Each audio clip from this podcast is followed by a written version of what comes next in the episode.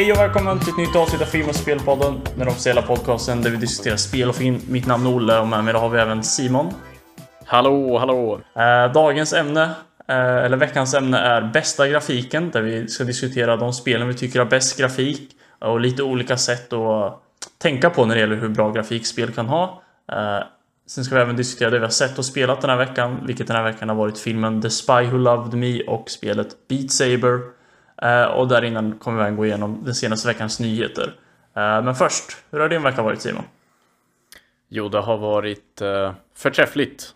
Jag har köttat VR-spel som fan, så... Jo, du har ju...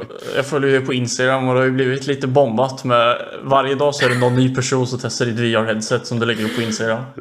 Ja, det blir som man bara, alltså, ni måste komma och prova det här. Och så kommer en efter en och bara, åh jävlar vad coolt. Men då blir det att man kör samma demo-grejer och bara tittar på hur folk reagerar. Men alla hittills har ju tyckt att det har varit as nice så. Ja, så det, det typ så du skulle sammanfatta din vecka med två bokstäver V och R. Ja, i princip. Ja, men gött. Så eh, hur skulle du sammanfatta din vecka? Du har, du har flyttat Med fem bokstäver. F, L, Y, T, T. Uff. Ja, det blir rätt. Eh, Flytt, för jag har flyttat till en ny lägenhet så om det ekar massa i min omöblerade lägenhet, my bad, jag ber om ursäkt. Du har Eh, inte hunnit eh, sätta upp dina ljudisoleringsplattor än menar du? nej, exakt. Men ja, så det är ju pretty dank, pretty dope, pretty lit. Nice. Det är väl det kidsen säger nu för tiden. Mm, lit AF. Dog. It's the bomb, homie. Ja, Eh, Ja, så det är väl eh, så det ligger till. Bra vecka helt enkelt. Eh, men vad har hänt för nyheter den senaste veckan då? Eh, jo, först ut så har Sony sagt att de ska ha en officiell Playstation 5 reveal nu på torsdag. Och det låter som att det inte bara kommer vara någon, någon liten tease utan nu kommer det vara liksom the real deal. Så eh, alla hoppas ju på eh, att se något nytt coolt PS5 exclusive spel. Och faktiskt något gameplay, för det var ju det vi sa. Det enda de behöver göra nu är att leverera något vettigt gameplay så kommer alla vara hype. Skulle vara askul ifall de kommer med så här allt. Var det, vad hette det? Som eh, Microsoft fick så mycket skit för när de släppte Xbox One. Det där med att det man behövde alltid vara uppkopplad på internet och man fick inte köra begagnade spel. Skulle vara askul ifall de kommer och annonserar på Playstation 5 nu. De försöker smyga in det nu, andra, nästa försök här. Eh, nej, men så det, det är jag väldigt taggad på att se. När sa du att det Så var? det eh, torsdag den fjärde. Så imorgon. Ja, Wink wink. Om man lyssnar på det här dagen det kommer ut. exakt. En annan grej som gäller till fjärde är att eh, Borderlands Collection är gratis på Epic Game Store. Jag är inte så fan av de spelen, men om man är sugen så kan man bara logga in och plocka det gratis fram till fjärde juni. Mhm. Jag kommer ihåg så som du annonserade till oss var ju att du skrev i vår gruppchatt typ något om Borderlands Collection är gratis. Ett trash-spel men det är gratis eller något sånt där skrev du. Så Ja, gratis är gratis. Och, du låter inte jättetaggad men ja, om man är där så är det ju ganska bra pris i alla fall. och i deras collections var det till en Borderlands 2 och deras pre-sequel. Ja just det, där ja. Så inte ettan, men de andra två. Och inte trean. Så det är lite så mittemellan col- collection Ja. ja. att ta i tycker jag då. Men ah, ja. Om man, om man gillar sånt så kan man logga in och skaffa det Om man gillar gratis så. Sen, jag har ju suttit nu och försökt att läsa in mig lite mer på VR. No shit, eller dö. Men, eh, och lite vilka nya headset som kommer och hur framtiden ser ut lite. Eh, Så först har vi HP, som ja, gör skrivare och laptops och så. De gjorde ju ett headset för ett tag sedan som heter HP Reverb. Som är ett av de VR-headsetsen som har högst upplösning för det har typ 4K skärm per öga i princip. Så det är en av de med absolut högst upplösning. Det är högre upplösning än det Invalve Index som jag köpte. Eh, och de har annonsat sin generation 2. Så en uppdaterad version som de har jobbat med tillsammans med Valve. Så den är väldigt lik ett Valve Index fast du behöver inte rigga upp kameror i rummet utan den trackar från headsetet och utåt med kameror på själva headsetet typ. Eh, och eh, det kommer ju vara ett väldigt bra alternativ för folk som vill köpa in sig i VR. För det kommer konkurrera direkt med allting som Oculus har ute. Deras Oculus Rift S. Det här kommer vara som en mycket bättre version av det i princip. För typ samma pris. Så ja, det kan bli intressant. De har inte riktigt sagt när det ska släppas. Men coming soon står det. Så någon gång i höst kanske.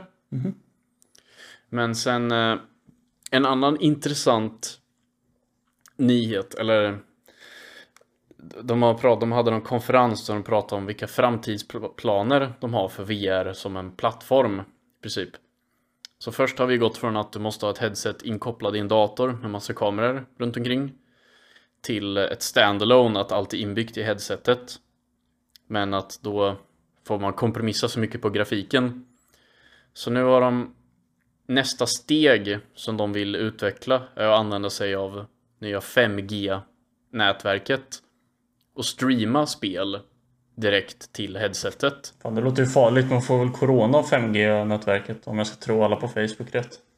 Ja, alla på Facebook har väl alltid rätt så stay away. Eh, nej, men så, och det skulle ju kunna göra att de kan bygga mycket mindre, lättare headsets. För att de inte behöver bygga in all, all, all prestanda i headsetet. Och ett mellansteg till det innan de har hunnit bygga in 5G i headseten är att man ska kunna streama spelet till sin telefon som har stöd för 5G och koppla sin telefon till sitt VR-headset. Så eh, det, jag tycker det är intressant att se lite vad folk, eller vad de försöker jobba fram och vad de tror kommer bli nästa grej. Nästa Allt- grej som du kan liksom eh, lägga massa pengar på liksom. Du sitter Ja, redan och bara brinner i fickan bara. Måste spendera mer på VR. För må målet är ju liksom att de ska bli mindre och mindre och mindre och bättre och bättre och bättre och till slut blir det bara som ett par vanliga solglasögon i princip. Eh, och det här är som mellansteg som de har. Att först, först kommer man behöva koppla till sin telefon och sen till slut kommer det bli så bra så att de bara bygger in det direkt i headsetet och sen efter det kommer de kunna bara göra det mycket mindre och smidigare typ så. Vi får se. Om fem år kanske folk går runt med 5G och streamar spel direkt till sina standalone headsets. Men eh, ja, vi ser lite hur det går. Framtiden det var- vis. Exakt. Men det var de eh, nyheterna som jag hade skrapat fram den här veckan. Ja, jag har nog inget fler mer att rapportera. Jag har försökt hitta några filmnyheter men noll har hänt på den fronten tydligen. Ja, det står ganska still på filmfronten överallt känns det som. Så då skiter vi i film och hoppar in på vårt huvudämne vilket har med spel att göra. Bästa grafiken. Eh, För vi snackade om snyggaste filmerna för några veckor sedan och eftersom vi är film och spelpodden måste vi återanvända varje ämne på båda. Exakt. Både så film när vi och spel. snackar soundtracks och för film måste vi ha soundtrack för spel och snyggaste filmer. Då- Snyggaste spelen. Det är bra, då får man ut dubbelt så många avsnitt för varje ämne. Exakt. It's genius. Nej, men bästa grafik, det är ju... Ja, det, det är inte en så lätt fråga som man skulle kunna tro, tycker jag i alla fall. Vad som är bäst grafik. Nej, för det, vi har ju splittat upp det lite, eller när vi, vi diskuterar lite så kommer vi fram till att det, vissa spel kan ju vara väldigt, väldigt imponerande rent tekniskt. Att de har liksom bäst texturer eller snyggast ljussättning, men sen vissa andra spel som har en så egen art style, eller vad man ska säga. Det, det blir svårt att säga vilket som är snyggast, eller om det är lika snyggt, men båda gör ju det det sätter ut för att göra väldigt bra. För jag skulle säga, alltså ett, tekniskt snyggt spel är ju nog mer alltså, realistiskt och kanske snyggare i stunden. Men de lite mer konstnärliga som har mer en specifik art style är de som tenderar att åldras bättre. För att samtidigt som ett tekniken fortsätter utvecklas kan spel som använder tekniken bli snyggare och snyggare och snyggare och då blir snyggare än de innan. Har man en specifik art style så det gör ju så att det åldras lite bättre. Om ehm, ett spel till exempel som jag tänker på som har en kon- lite mer konstnärlig stil som åldras väldigt bra är ju Zelda Wind Waker. Eh, Fast jag har ju bara spelat HD remastern. Så det är även lite det tekniska inslängt där i. Men vi spelar ju det, eller jag spelade första gången för fyra år sedan kanske. Och då var jag kanske 15 år gammalt eller något sånt där. Ja. Och jag bara ändå blev blown away av hur snyggt det var. Mer än liksom, hade det kommit ut samma år som vi spelat som sagt HD Remaster men liksom artstylen och fortfarande samma. Så hade jag blivit imponerad. Men nu var det 15 år gammalt. Och det så... Ja, för, för sättet som den... Så artstylen på det här spelet gör ju så att det spelar ingen roll hur HD-texturerna är. Nej. Det, det, för det, det är liksom irrelevant. Det gör ingen skillnad. För att det, det är så... Det är lite så här vattenfärg stil. Ja, Eller så typ, cell shading som var en populär teknik. Där man splittar upp färgerna i lager så det ser mer tecknat ut liksom. Men som Wind Waker, det är mycket man åker på vattnet i där och på havet och vet du vilket spel Sea of Thieves är? Mm, Det är något jag sett många streama nu för tiden. Jag har inte spelat det själv men det är väl nästan känt som ett av spelen som har liksom mest realistiskt vattengrafik och vattenfysik. Och det ser ju fantastiskt ut men om några år kommer säkert det liksom se lite föråldrat ut samtidigt som Wind Waker fortfarande, deras, vattnet i den, det här spelet som är skit, så här, väldigt unikt fortfarande ser lika bra ut nu som det gjorde när det kom ut mer eller mindre. Mm. Nej, jag kommer ihåg, jag körde ju Wind Waker när det kom ut på... Eller inte direkt när det kom ut, men jag körde ju GameCube-versionen också. Och den ser ju typ lika bra ut som HD-versionen. GameCube-versionen ser ännu mer tecknad ut. Men För de det, la till lite mer ljuseffekter i när de släppte om det typ. Men det är ju den båda ser ju tecknade, fantastiskt ut. ja, det är ju den tecknade biten som typ är det snygga i med det här spelet. Mm. Nej men det, jag tycker många av de spelen som satsar på att ha liksom lite mer tecknad stil tjänar ofta på det. Som eh, det var ett, ett spel jag körde som heter Firewatch Ja. som kom för, för några år sedan som är typ en av de spelen som klassas som en walking simulator antar jag för det, det händer inte jättemycket. Det är mest att du går omkring och suger upp världen och storyn när du kör. Ja, jag har inte spelat det men det jag sett man går typ och pratar om walkie-talkie hela spelet eller? Ja, exakt. Du, du, är, du spelar som en ja, Firewatch och du har ett utkikstorn. Och sen så har du radiokontakt med en som har ett annat utkikstorn som är några kilometer bort. Som du precis kan skymta det här tornet i horisonten typ. Mm.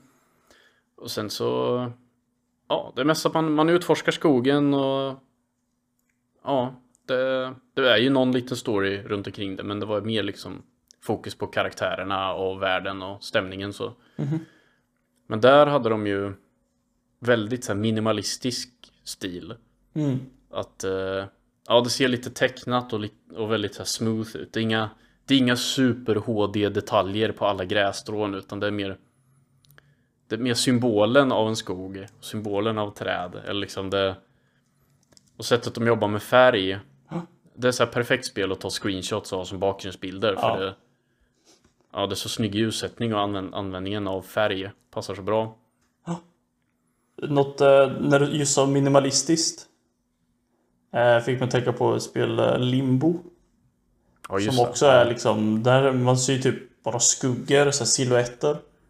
Men där är ju verkligen stämningsfullt också. Minimalistiskt och stämning. Men det sa jag väl också om Firewatch. Att det är liksom, man bara suger in hur creepy stämningen är också. Och just det där, alltså om du ser en screenshot bara på avstånd så ser du direkt att det där är ju det spelet. Exakt. Och Det, det blir så ikoniskt jämfört med spel som försöker vara tekniskt realistiska. Ser må- många väldigt lika ut. Ja, alltså Limbo, jag har inte spelat där faktiskt, men det är ju ändå... Jag har skittydliga bilder i huvudet av hur spelet ser ut. Mm. Eh, bara för att det är så en unik stil till just det här spelet.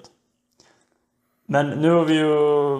Om man hoppar tillbaka till den andra kategorin vi snackade om, de mer tekniskt snygga spelen. Eh, Tycker jag Uncharted 4 är ett väldigt bra exempel på det. Eh, som Ja. eh, kom ut 2016 tror jag. Och det har åldrats väldigt bra men jag kommer ihåg när man spelade när det kom ut hur bara sjukt snyggt det spelet var. Och något Ja, det var ju ver- verkligen ett, ett leap fram från där man har allting man har kört innan. Men det var också, Just på den tekniska delen. det var också, jag kommer ihåg när de så hade trailersen till det här spelet. Med gameplay och liksom vanligtvis i sådana, så typ Watch Dogs gameplay-trailern var ju typ tio gånger snyggare än riktiga spelet sen när det kom ut. Men ja, annars... man har ju van, vant sig vid att ta allt sånt med en nypa salt. Att bara, det, det, är bara demon, det är klart det ser assnyggt ut. Men det kommer inte vara så sen när man faktiskt kör det. Och Uncharted 4 så gameplay trailer man bara pff, ja, tjena som om liksom som att det kan vara så här snyggt. Så kommer det ut och bara fan det är ju så snyggt. mm. Och något som alltid sticker ut stack ut för mig när jag spelar det som jag skulle säga en typ del av grafiken. Textgrafiken är det är en del när en av karaktärerna eh, liksom man bara ser hennes ansiktsuttryck så hon typ skådespelar med ansiktet. Jag antar att det är genom motion capture. Och det är typ, mm. jag aldrig bara... Man bara jävlar vad jag bara känner det här liksom. De säger ingenting utan nu kan man typ skådespela som att det vore en film där man kan använda ansiktsuttryck. Uh, mm. För oss som har spelat det så är det delen när de, Nath, Nathan hittar... Nate, heter han ju. Nej? Mm. Ja. Alltid ihop honom med Nathan Fillion för att alla tycker att han ska spela honom. Men uh, när uh, de hittar um, någon sån skatt eller något. Vad heter hon? Elaine va? Den, hans fru. Mm. Och hon typ tittar på honom. Uh, Medan han blir så exalterad och hittat skatten och hennes ansiktsuttryck när hon står och tittar på honom och kameran bara liksom hänger på henne. Och jag bara shit det här är ju som en film, jag kan läsa hennes ansiktsuttryck. Och det var så subtilt gjort och så snyggt och jag bara oh my god. Och det, det är ju sånt där Alltså tekniken har blivit så bra Så att man kan göra sådana scener Exakt Och då att tekniken ger mer utrymme för kreativiteten liksom För förut kanske man har strävat efter det Men det, det går inte att göra så pass små ansiktsuttryck så att man plockar upp det och då blir det svårt att göra sådana scener på ett trovärdigt sätt. Men alltså typ Wind Waker där ifall han... Där är det ju liksom, det är ju snyggt med alla ansiktsuttryck där är ju liksom så här astydliga för att man ska kunna läsa vad personen känner. Mm. Så man kan inte riktigt ha den detaljrikedomen men i Uncharted 4, alltså sagt, det var så himla subtilt. Men man kunde läsa av hennes känslor. Och man bara, det här är inte så riktigt. det är bara ett spel men jag kan ändå liksom känna det hon känner. Jag, jag kommer ihåg när jag köpte mitt uh, Playstation 3 och köpte med Uncharted 2. Ja. Och jag, jag startade upp det och bara Oh my god, det här är det snyggaste jag någonsin sett. Mm. Alltså shit. Och jag kommer, jag kommer ihåg när man, man går i snön i början. Ja. Och när, man såg att hans uh, Nates jeans frös ner till liksom. Att upp till så mycket man vade i snö så frös byxorna typ. Ja. Och man bara oh, oh my god, oh, shit så mycket detaljer, oh my god, det ser ut, alltså det kan inte bli mycket bättre så här. Jag kommer ihåg, jag tänkte att nu, nu måste det ju jag tänker det varje år att snart kan det inte bli så mycket bättre. Ni har liksom nått en punkt där det borde plana ut. Ja. Men sen kommer ändå något spel varje år som bara Alltså shit det här bara bl totalt blow me away. Och typ nu när man efter man kört Uncharted 4 och sen går tillbaks i Uncharted 2 och 3 så ser det ju tecknat ut i ja, jämförelse. Ja. Som en sån här CG-film och Uncharted 4 ser ut som en riktig film typ. Det är, där liksom... det, är, det är inte riktigt där men den, ja. Nej men jag förstår typ så menar. hopp mellan dem. Jag håller med. Det, det är där vi sa att liksom, de konstnärliga spelen åldras bättre. På så sätt. Uncharted 2 såg helt sjukt ut när det kom ut 2009. Eller när det nu var. Men 11 år senare så liksom då har spelgrafiken utvecklats så pass mycket förbi det det kunde göra det året. Så liksom... Men för mig var GTA San Andreas samma sak. När det kom ut 2004. Jag var typ mm. 9 eller 10 då. Och jag, liksom, jag och mina kompisars hjärnor bara exploderade av hur verkligt det såg ut. Man bara herregud, kan spel se så här bra ut? Och sen tre år senare, eller fyra år senare, kom GTA 5, nej GTA 4 ut. Mm. och då, då, direkt man bara ja, GTA San Andreas, ja. Mm, det är så blockigt och platt och Ja, alla så här, allas ansikten typ måste se så fyrkantiga ut. Mm. Och det, all, allas facial expressions ser liksom på tejpade ut på en ansiktsform i princip. ja, det är, det är inte alls sådär su subtila grejer man hittar i en Uncharted 4 liksom. Mm. Men jag, jag tycker ju... Jag, jag är lite nördig på så här det tekniska också. Jag tycker det är skitkul att se vad folk... Hur utvecklare liksom försöker pusha the bleeding edge varje år och ligga i framkant med liksom vad, vad går att göra med texturer och ljussättning och grafik och när de släppte de här grafikkorten med bara ray tracing och jag bara åh jävlar vad spännande att se hur det, hur det ser ut liksom och före efter ut med ray tracing utan ray tracing. Och, och, det, och det är sånt som alltså om man om man inte tänker på det eller vet om det innan så är det ju inte alltså det är inte så natt och dagskillnad. Men det ger ändå ganska mycket i vissa spel. Typ ett, ett spel som ett av de senaste spelen som vi har på den här listan var ju Metro Exodus som jag körde tidigare i, i år. Och eh, det, det spelet hade ju bland det mest realistiska ljussättningen jag sett i något spel. Och där... eh, Alltså man... Typ karaktärerna är liksom inte riktigt i samma... På samma nivå som ljussättningen är. Att ljussättningen är verkligen en highlight i spelet. Men just när de använder det där...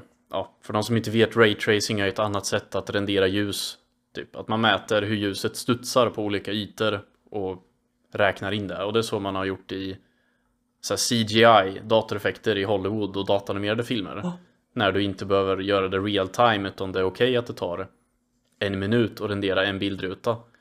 Men det har varit så krävande förut så att det inte gått att göra i spel i real time. Men nu har grafikkorten blivit så bra så att det går att göra en förenklad form av det. Ja. Men, och där... För, det som är kul med raytracing, det är att då behöver liksom inte en konstnär eller de som designar spelet måla in hur ljuset ska vara i alla omgivningar. Nej, då är det bara datorn som liksom papp, papp, papp, sådär, så här ska det se ut. Ja, så liksom du... I Metro så är det ju ute mycket, eller det är så open world. Och då är det liksom, du har en sol. Och det är enda ljussättningen du behöver. För sen räknar spelet ut hur solljuset bör studsa på allting. Och så ser det ut otroligt realistiskt ut. Och den räknar med ifall det liksom är sten eller vatten eller så va? Ja, precis som det är sten eller vatten eller glas och ljuset färgas. Om det studsar på en röd klippvägg så ser man att det blir som ett studsljus. Som blir det, hela, hela miljön färgas efter omgivningen man är i liksom. Så det många gånger där man liksom bara Åh herregud vad snyggt. Man, man, man tittar ut genom någon klipp eller man har gått i någon grotta och ser hur ljuset sipprar in typ och man bara Alltså shit det här Det här det var, det var ett av de stunderna när man blev lite så här blown away också och tänkte alltså shit nu kan det ju knappt bli så mycket bättre. Och ja, jag tycker det är så kul att se just på den tekniska biten också hur man pushar högre, högre upplösning och framerate och texturgrejer och ett av de mest kända spelen rent tekniskt är väl Crisis som var så extremt före sin tid på allting på det tekniska. Och liksom så många grafiktekniker som var först i Crisis som alla andra tog efter det och har liksom satt standarden för hela generationens grafik typ. Och det var resultatet av vad man kan göra när man gör ett spel som är bara till PC. Ja. du inte behöver tänka på att du måste kunna skala ner det och köra på konsolerna också utan är bara allting vi kan göra trycker vi in. Och sen får liksom det vara någon annans problem sen att skaffa en tillräckligt bra dator för att köra det för när, när de släppte det fanns det ju inget grafikkort som kunde köra det på högsta. Nej. Och det var liksom Det var fine Att det är inte tänkt att du ska kunna köra det här på högsta just nu Men om några år kanske Och jag, jag, tycker, jag tycker det är ganska bra sätt att tänka Att man försöker vara lite future proof Men det är många som inte är det för att de får så mycket skit För att de, då säger folk att ah, det är så dåligt optimerat ju- jag har köpt bästa datorn jag kan och jag kan inte köra på högsta. Vad är det för skit liksom? De har fuckat upp. Men jag... Alltså det, det handlar ju mer om hur utvecklarna promotar sitt spel typ. Som eh, Red Dead Redemption 2 som släpptes nyligen. Det fick ju också mycket skit för att det var dåligt optimerat. Men det är också att de har valt att låta en trycka upp allt mycket högre än vad som är rimligt om du vill. Men det är inte tänkt att du ska vara tvingad att göra det för att ha bästa upplevelsen. Så då är liksom antingen så tar vi bort de här inställningarna så att alla kan maxa det och tro att de köper högsta och vara nöjda och glada. Eller så låser vi upp de här extra inställningarna. Jag tycker väl det större Så- problemet dyker upp, även som Crisis. Det har ju typ bara sålt som det som har bäst grafik. Det är typ där det säljer sig på. Ja, alltså memet Can it run crisis? Ja, det är liksom, då är det ju... Grafik är generellt något av det minst viktiga när man spelar spel tycker jag. Mm. Eller liksom, om allt annat är bra så kan man förlåta dålig grafik ofta. Mm. Eh, Medan bra grafik på ett spel som har tråkig gameplay och dålig story inte kommer vara spelbart. Ändå. Nej. Eh, Så det, det är ju bra att liksom någon pushar. Men det är ju också om det, är- den enda säljnings... Liksom det enda man har, har att sälja spelet på så... Eh, då tycker jag att det finns bättre saker att fokusera på. Som typ Red Dead Redemption 2. Det är ju bra utöver grafiken också. Mm. Ja, jag tycker... Alltså Red Dead Redemption 2. Jag skulle säga att det är ungefär på samma nivå som Uncharted 4. Men på en sjukt mycket större skala. Mm.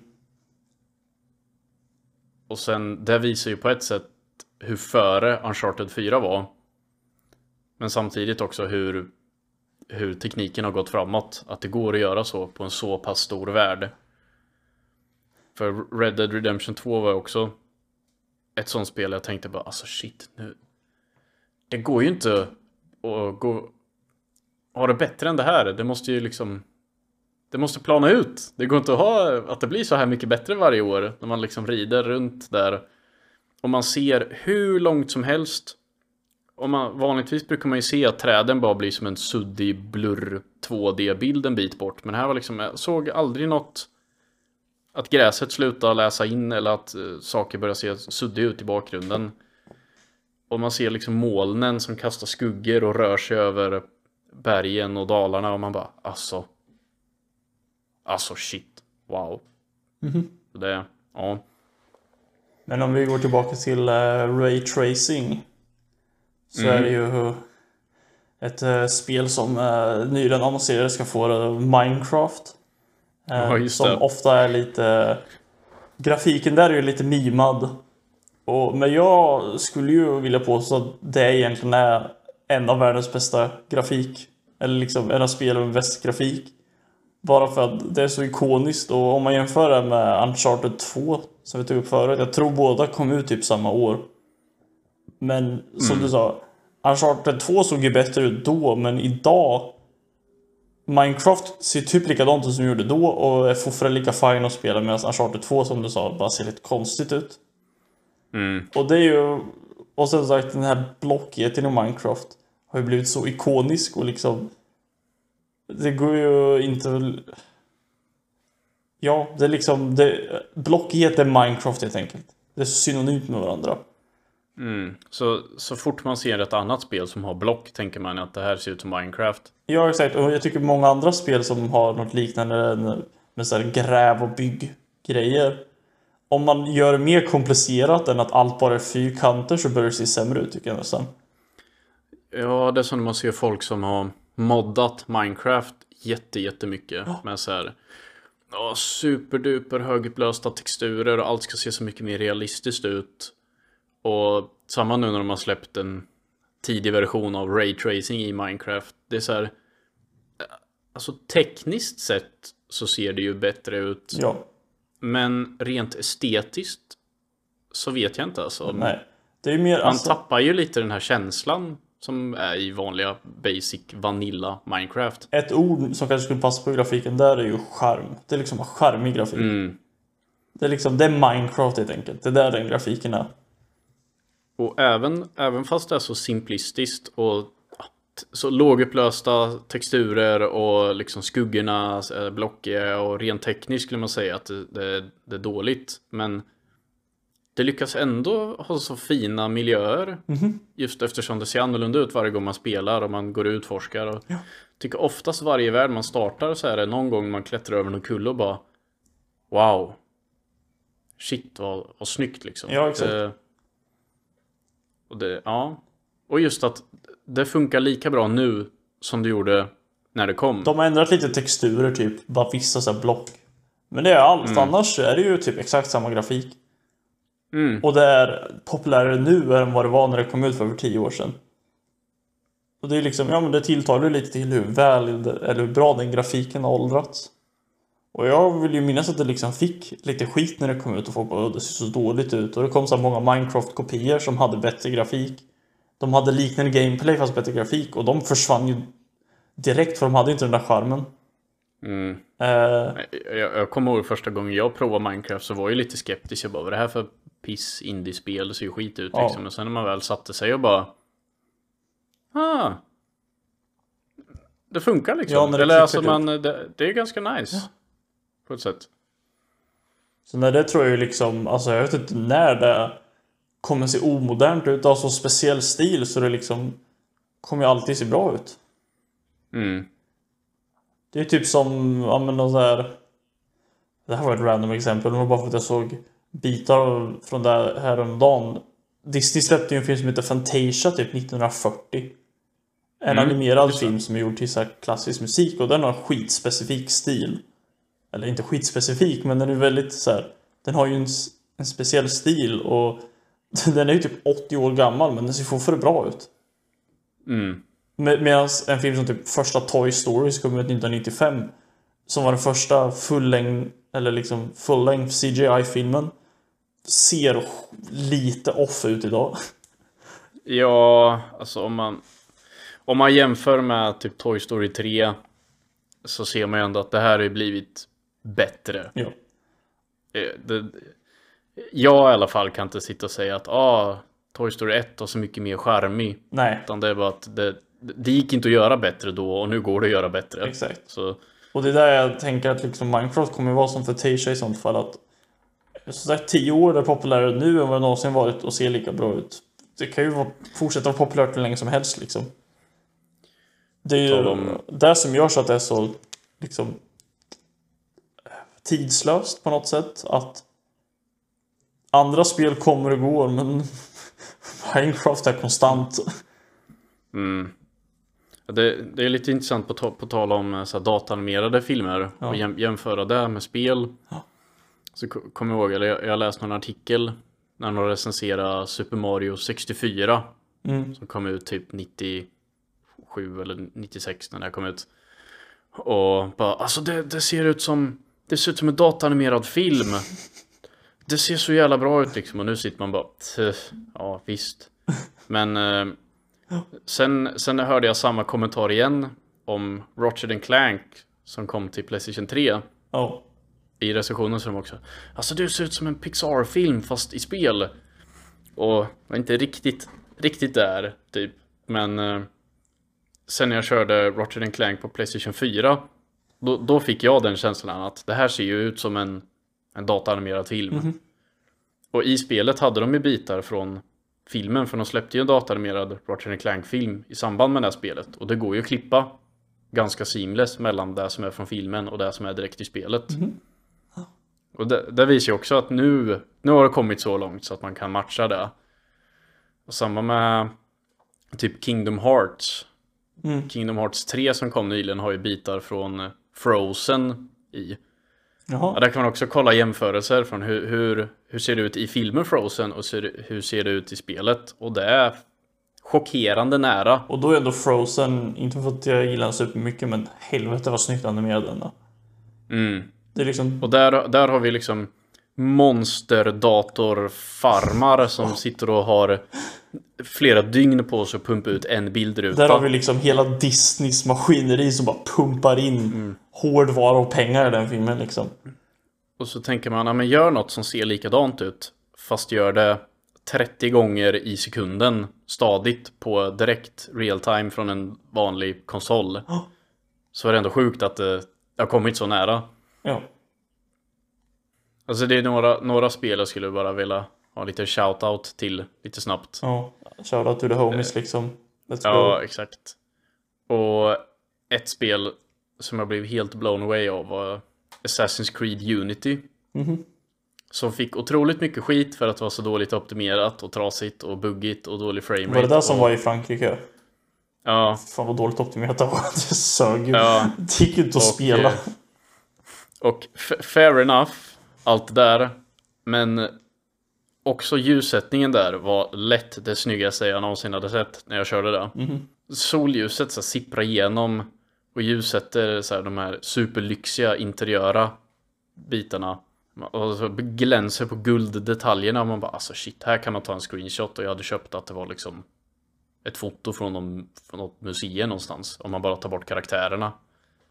Det var, det var så helt insane vad mycket bättre det var än det som kom innan.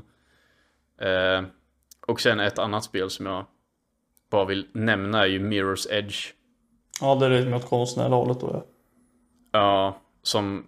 Och det, det är också, man kan se en screenshot bara, det där är från Mirror's Edge. Man ser det direkt Ja. just för att de, de har så specifik egen design med att eh, allt är vitt och cleant, st- sterilt, modernt, nordisk design, eller vad man ska säga. Eh, och sen just att highlighta vissa grejer med superstarka färger.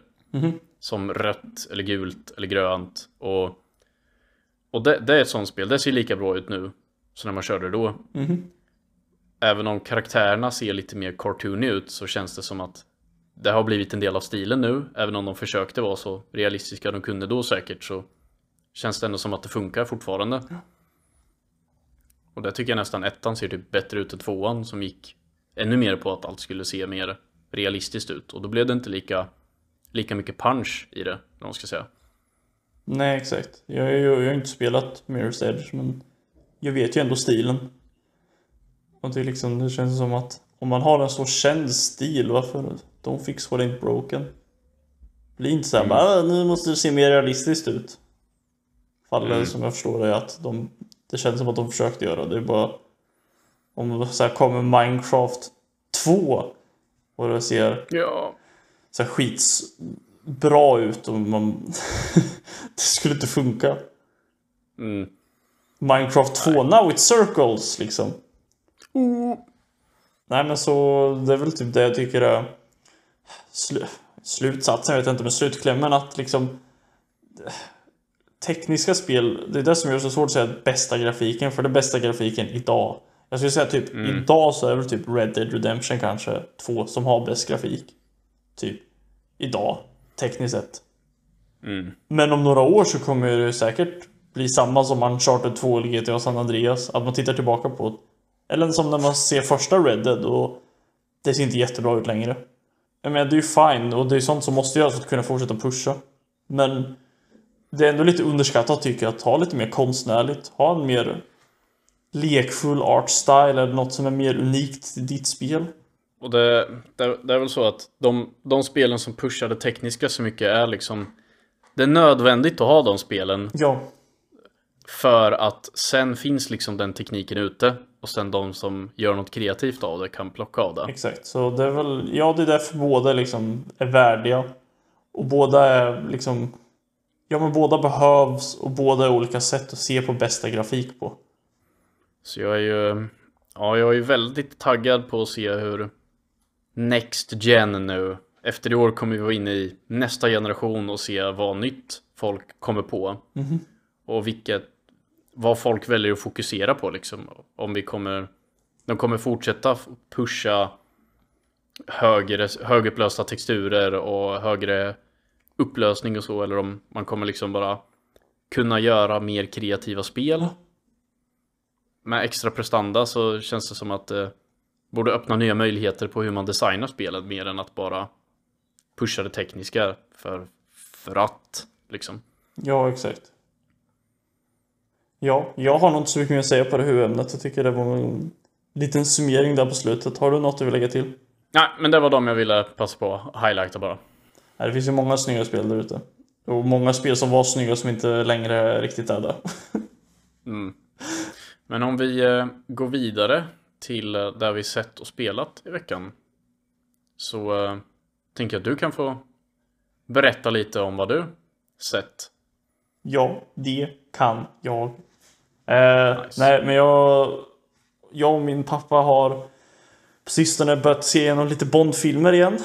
Eh, Surprise! Ja, så för de som inte är medvetna, jag är ju ett ohälsosamt stort James Bond-fan.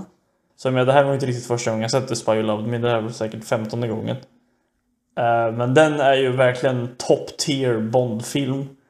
Uh, som sagt, jag och min pappa har sett om några Bond-filmer. Den här, uh, Goldfinger, Thunderball och några fler. Men det här är ju Roger Moores tredje film från 1977. Det är ju liksom... Och den och Goldfinger, om man tar essensen av James Bond i en film, då får man The Spy Who Loved Me liksom. Skulle du säga att den är topp tre? Ja, det skulle jag säga. Mm. Eh, och de flesta seriösa Bond-fansen, om man vill så vill säga att det finns en sån sak som ett seriöst Bond-fan. Det låter lite töntigt. Men det brukar ju ofta anses som att den är liksom ja, ett så här high mark i serien och sen den typen av film som alla andra 24 jämförs mot. Eh, och också som en film som räddar filmserien för det var liksom på väg nerför där. Men det som gör den bra är ju Roger Moore, han är ju, han brukade vara min favoritbond när jag växte upp. Mest för att det är min farsas och jag är med honom. Men han är fortfarande en av mina favoriter. Han är bara så karismatisk. Det är liksom så som Bond måste vara. Han ska alltid ha lite glimten i ögat. För allt det är så jävla överdrivet och out there i de filmerna. Att den som spelar Bond måste alltid liksom Ja men liksom såhär kunna vara va in on the joke så att säga. Att liksom, jag vet att det är överdrivet. Men nu ska vi bara ha lite kul liksom. Eh, så det är ju bra. En av de... Man brukar ofta säga att en Bond-film är bara så bra som The Skurk. Den har ju en av de bästa i Jaws. Eh, av, spelad av Richard Keel som är typ 2,20 lång och i filmen har metalltänder. Hur... Det vet ju till och med jag vem det är. Ja, och det är ju liksom helt... Ja, vi har ju sett den tillsammans. Mm. Eh, men eh, det är ju liksom helt dumt i huvudet egentligen. Och när liksom går och biter sönder metall. Man bara, bara för att ha metalltänder kan du inte bita hårdare. Jo. Men det är sådär, man liksom, man bara, äh, vem bryr sig? Ja, I en scen Bond, han liksom har en bil som han, åker, han blir jagad ner i vattnet. Och sen bara blir den till en ubåt och man bara, ja. Det är den typen av film. Why not? Liksom. Jag köper det. Och sen en bra Bondfilm generellt brukar alltid liksom sluta med en gigantisk strid. Och det här är en av de absolut största någonsin. Eh, liksom shout-out till, till uh, production designern Ken Adam som gjorde många Bond-filmerna. Det är liksom han som han är en stor del av vad Bond är. Att slutet är ju på gigantisk, eh, vad heter det, typ oljefartyg. Mm. Och det var typ en av de största setsen som någonsin hade byggts när de gjorde filmen. Och det är så sjukt imponerande att bara se när de håller på där inne. Jag har för mig att det liksom det var så stort som bara hur i helvete ska vi kunna ljussätta det här? Så typ Stan Kubrick fick komma in och hjälpa dem att ljussätta det eller något sånt där. Han kom med tips och bara alltså ni kan ju göra så här kanske. Och de bara ja det kan funka. Det var så stort liksom så det bara gick inte först. Um, mm. Så jag vet inte, ja, man kanske hör att jag gillar Bond när jag pratar om det. Och det är ju liksom Bond Bond. Det tänkte jag när jag såg den. Det är ju, de är inte världens bästa action. De är inte, de är inte bäst på någonting. De är bara bäst på att vara Bond typ. mm. Så ja, jag, jag, vet inte. Det är ju... Om man sätter betyg. Det är svårt att säga. Det är liksom, Bond-serien överlag får 10 av 10.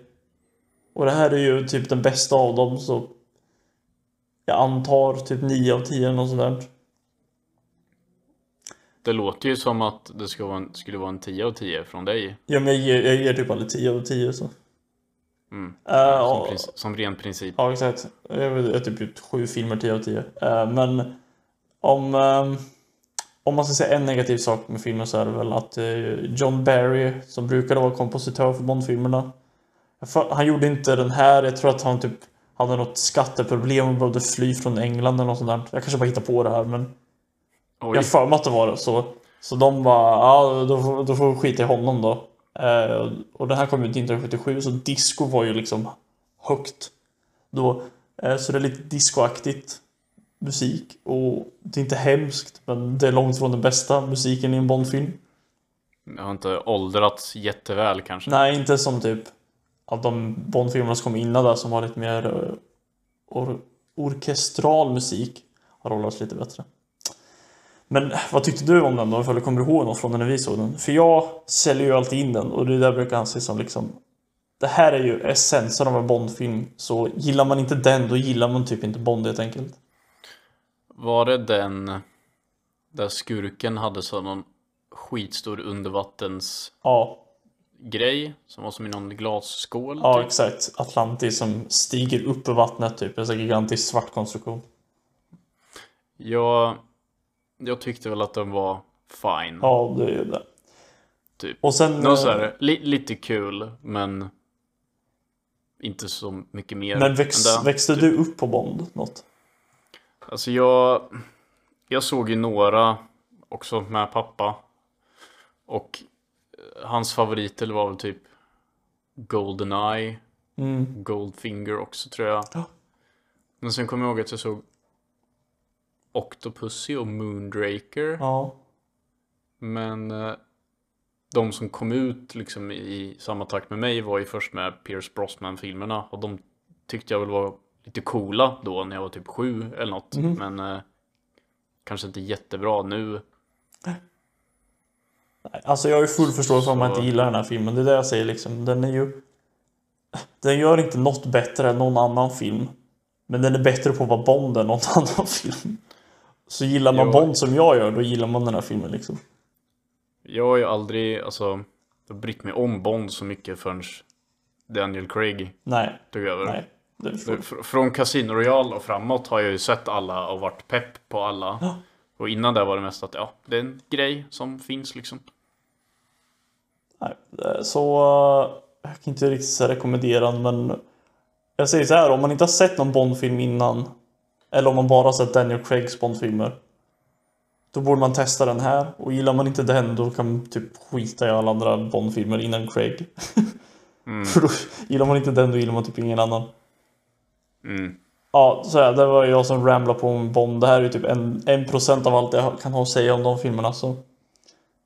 Uh, Beat Sabers säger du? Ja, exakt. Eh, jag har ju fastnat totalt i Beat Saber nu sen jag köpte det. Snabb fråga, det är ett VR-spel va? Ja, exakt. Surprise!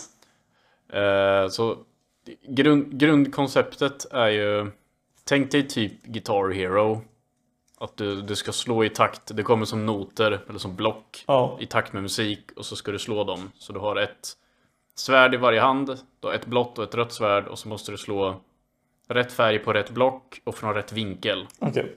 Så det är som en liten pil på varje kub om du ska slå nerifrån och upp eller uppifrån och ner och så. Och eh, det är ju skitsimpel idé. Och jag, folk sa ju att ah, det är lätt ett av de bästa VR-spelen, det är så jävla kul liksom. Och jag tänkte att ja, det var säkert lite skoj. Men jävlar vad kul! jag blev helt hooked.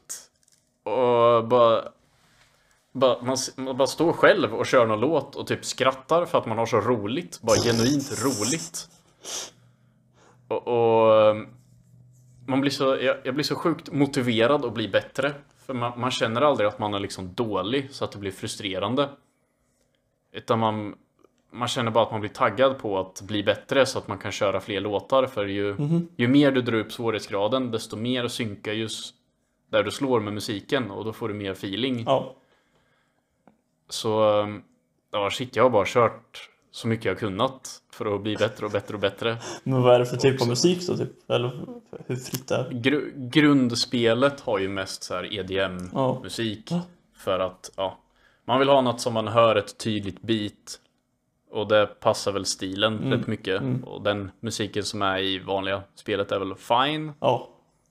Men eh, du låser ju inte upp riktiga spelet förrän du börjar modda det.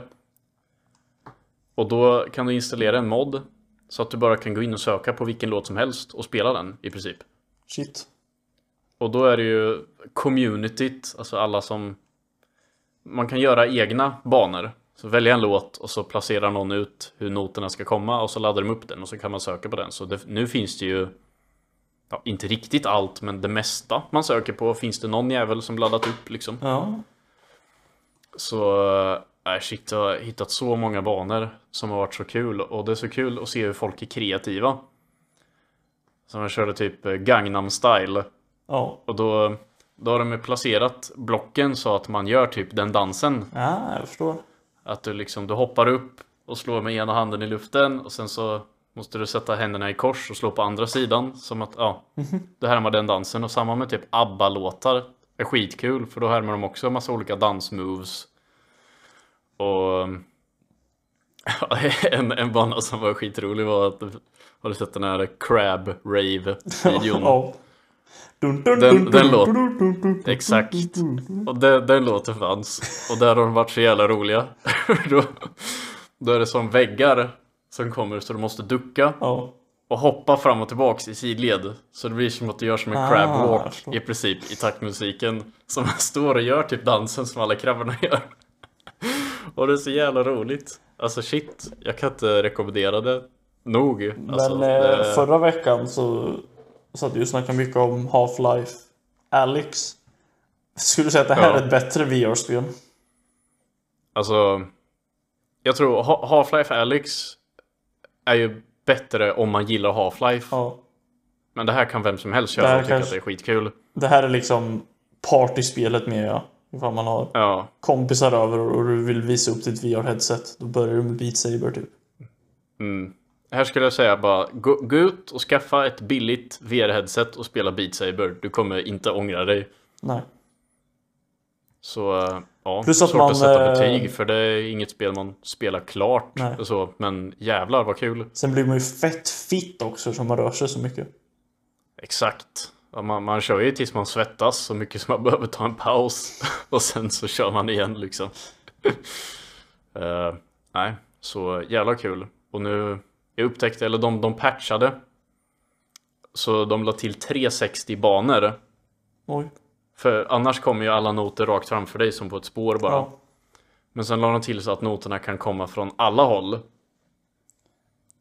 Och då snackar vi ju att svårighetsgraden sköt i höjden. Men jävlar vad roligt! Shit vad kul alltså. Så ja, det är mitt projekt att öva så att jag blir tillräckligt bra så att jag kan köra dem på svåraste svårighetsgraden. Ja, men det är bra. Man måste ju ha ett mål liksom att jobba efter. Ja, så de, de har som ett training mode att man kan dra ner hastigheten på en låt som är för svår. Ja. Så då provade jag en eh, 360 expert plus låt på halva speeden och det gick precis. Okej. Och så har jag försökt att köra det, samma låt på 60% och på 70% och jobbat uppåt men alltså shit det blir så mycket. Man måste bara träna in det i muskelminnet för till slut går det så snabbt så du hinner liksom inte reagera, tänka och göra det. Du måste bara slå på feeling typ. Ja, man måste få in rutinen ja, så man liksom kan blunda på resten av det. Ja, så... eh, Nej, shit. Jävla kul. Skaffa det nu, alla som lyssnar. Ja, jag trodde du pratade om mig specifikt. Jag har inga planer på det. Mm. Jag får leacha på dig istället nästa gång jag kommer förbi. Exakt. Och det, det är inget grafikkrävande spel, så det funkar ju säkert lika bra på vilket headset man än har. Kommer du få samma upplevelse liksom. Så, eh, ja. Ja, men det var det jag sysslat med i veckan.